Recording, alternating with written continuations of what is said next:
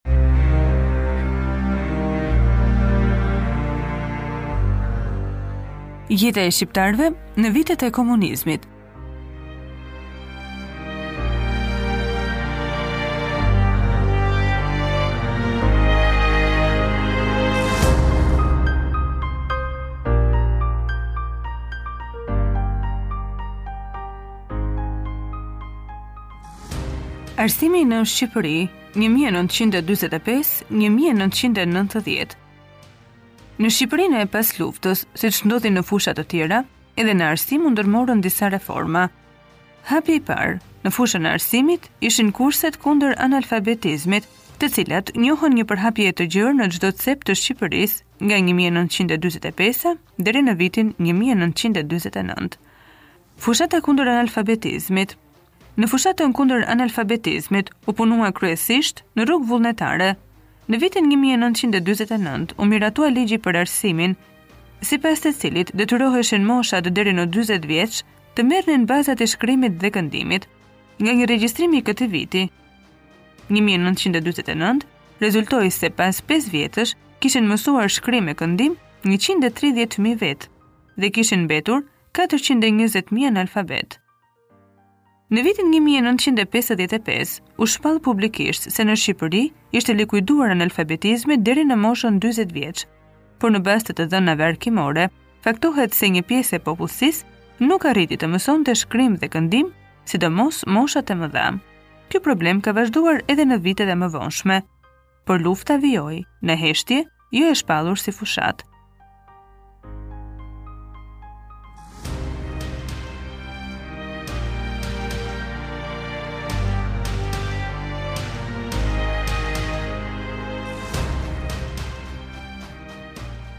Ngritja e shkollave Arsimi fillor dhe 7 vjeçar Hallka më e zhvilluar në vitet e para pas luftës ishte arsimi fillor, në vitet 50 Hapen shkollat e para shtatë vjeçare. Në vitin një mijë e nëntëqind e gjashtëdhjetë dhe gjashtëdhjetë e një u rrit në pesëqind e pesëdhjetë e shtatë shkolla shtatë vjeçare. Arsimi i mesëm. Sa i takon arsimit të mesëm, në vitin një mijë e nëntëqind e dyzet e gjashtë deri në dyzet e shtatën funksiononin vetëm gjashtë gjimnaze në Tiranë, Korçë, Gjirokastër, Shkodër, Durrës dhe Vlorë, si dhe institucione teknike, po në Tiranë. Vetëm një vit më vonë, numri i shkollave të mesme arriti në 20. Arsimi i mesëm e pati zhvillimin në vitet 60, kryesisht arsimi profesional, pasi qeveria kishte interes për të nxjerrë kuadro të mesëm profesionalë që i mungonin vendit.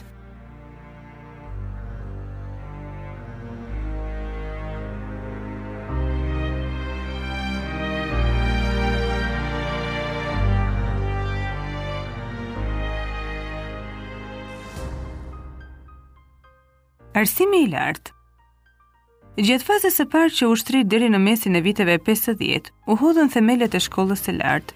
Fillon në 1946 me hapjen e Institutit Pedagogjik të Tiranës, dy vjeçar, i cili kishte si degë gjuhën dhe letërsinë shqipe, histori, gjeografi, shkenca biologjike dhe fizike e matematikë. Pas viteve 1951, u hapën edhe institute të tjera, 3 dhe 4 vjeçare për pedagogji,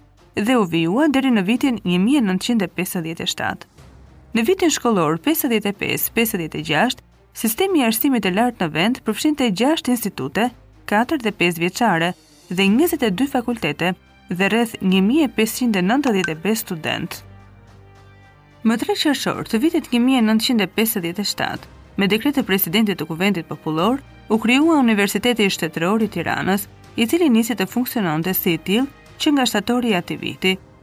Universiteti Shtetëror i Tiranës hapi dyert për herë të parë më 16 shtator 1957, ndërsa në vitin 62 u krijua dhe Universiteti Bujqësor i Tiranës në Kamëz. Reformat dhe ideologjizmin i shkollave.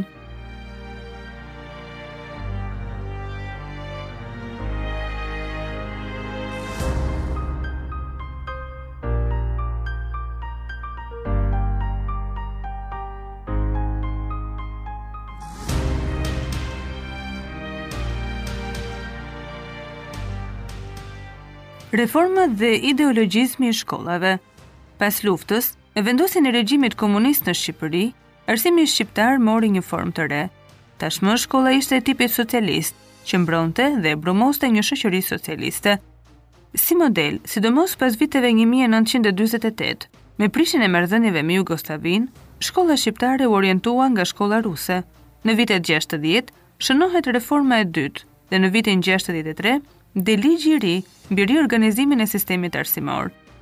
Ligji parashikonte kalimin nga sistemi 7 vjeçar në sistemin 8 vjeçar, kulmi arrin në reformën e tretë që u quajt revolucionarizmi i mëtejshëm i shkollës, e nxitur që nga viti 1967 në ndikimin e revolucionit kulturor kinez, pas një fjalimi të Enver Hoxhës për revolucionarizimin e shkollës.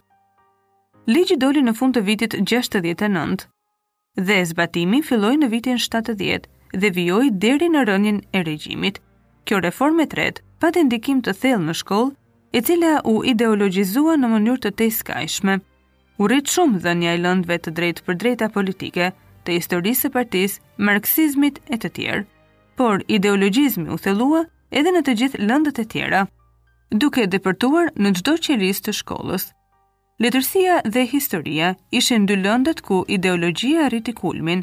Veprimtaria e shkollës u organizua mbi bazën e atij parimi që u quajt trekëndëshi revolucionar që ishte mësim, punë prodhuese dhe edukim fizik e ushtarak.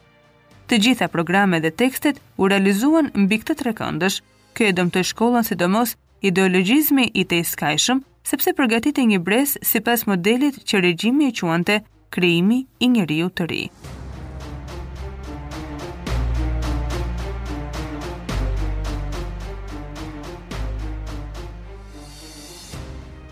Jeta e shqiptarëve në vitet e komunizmit,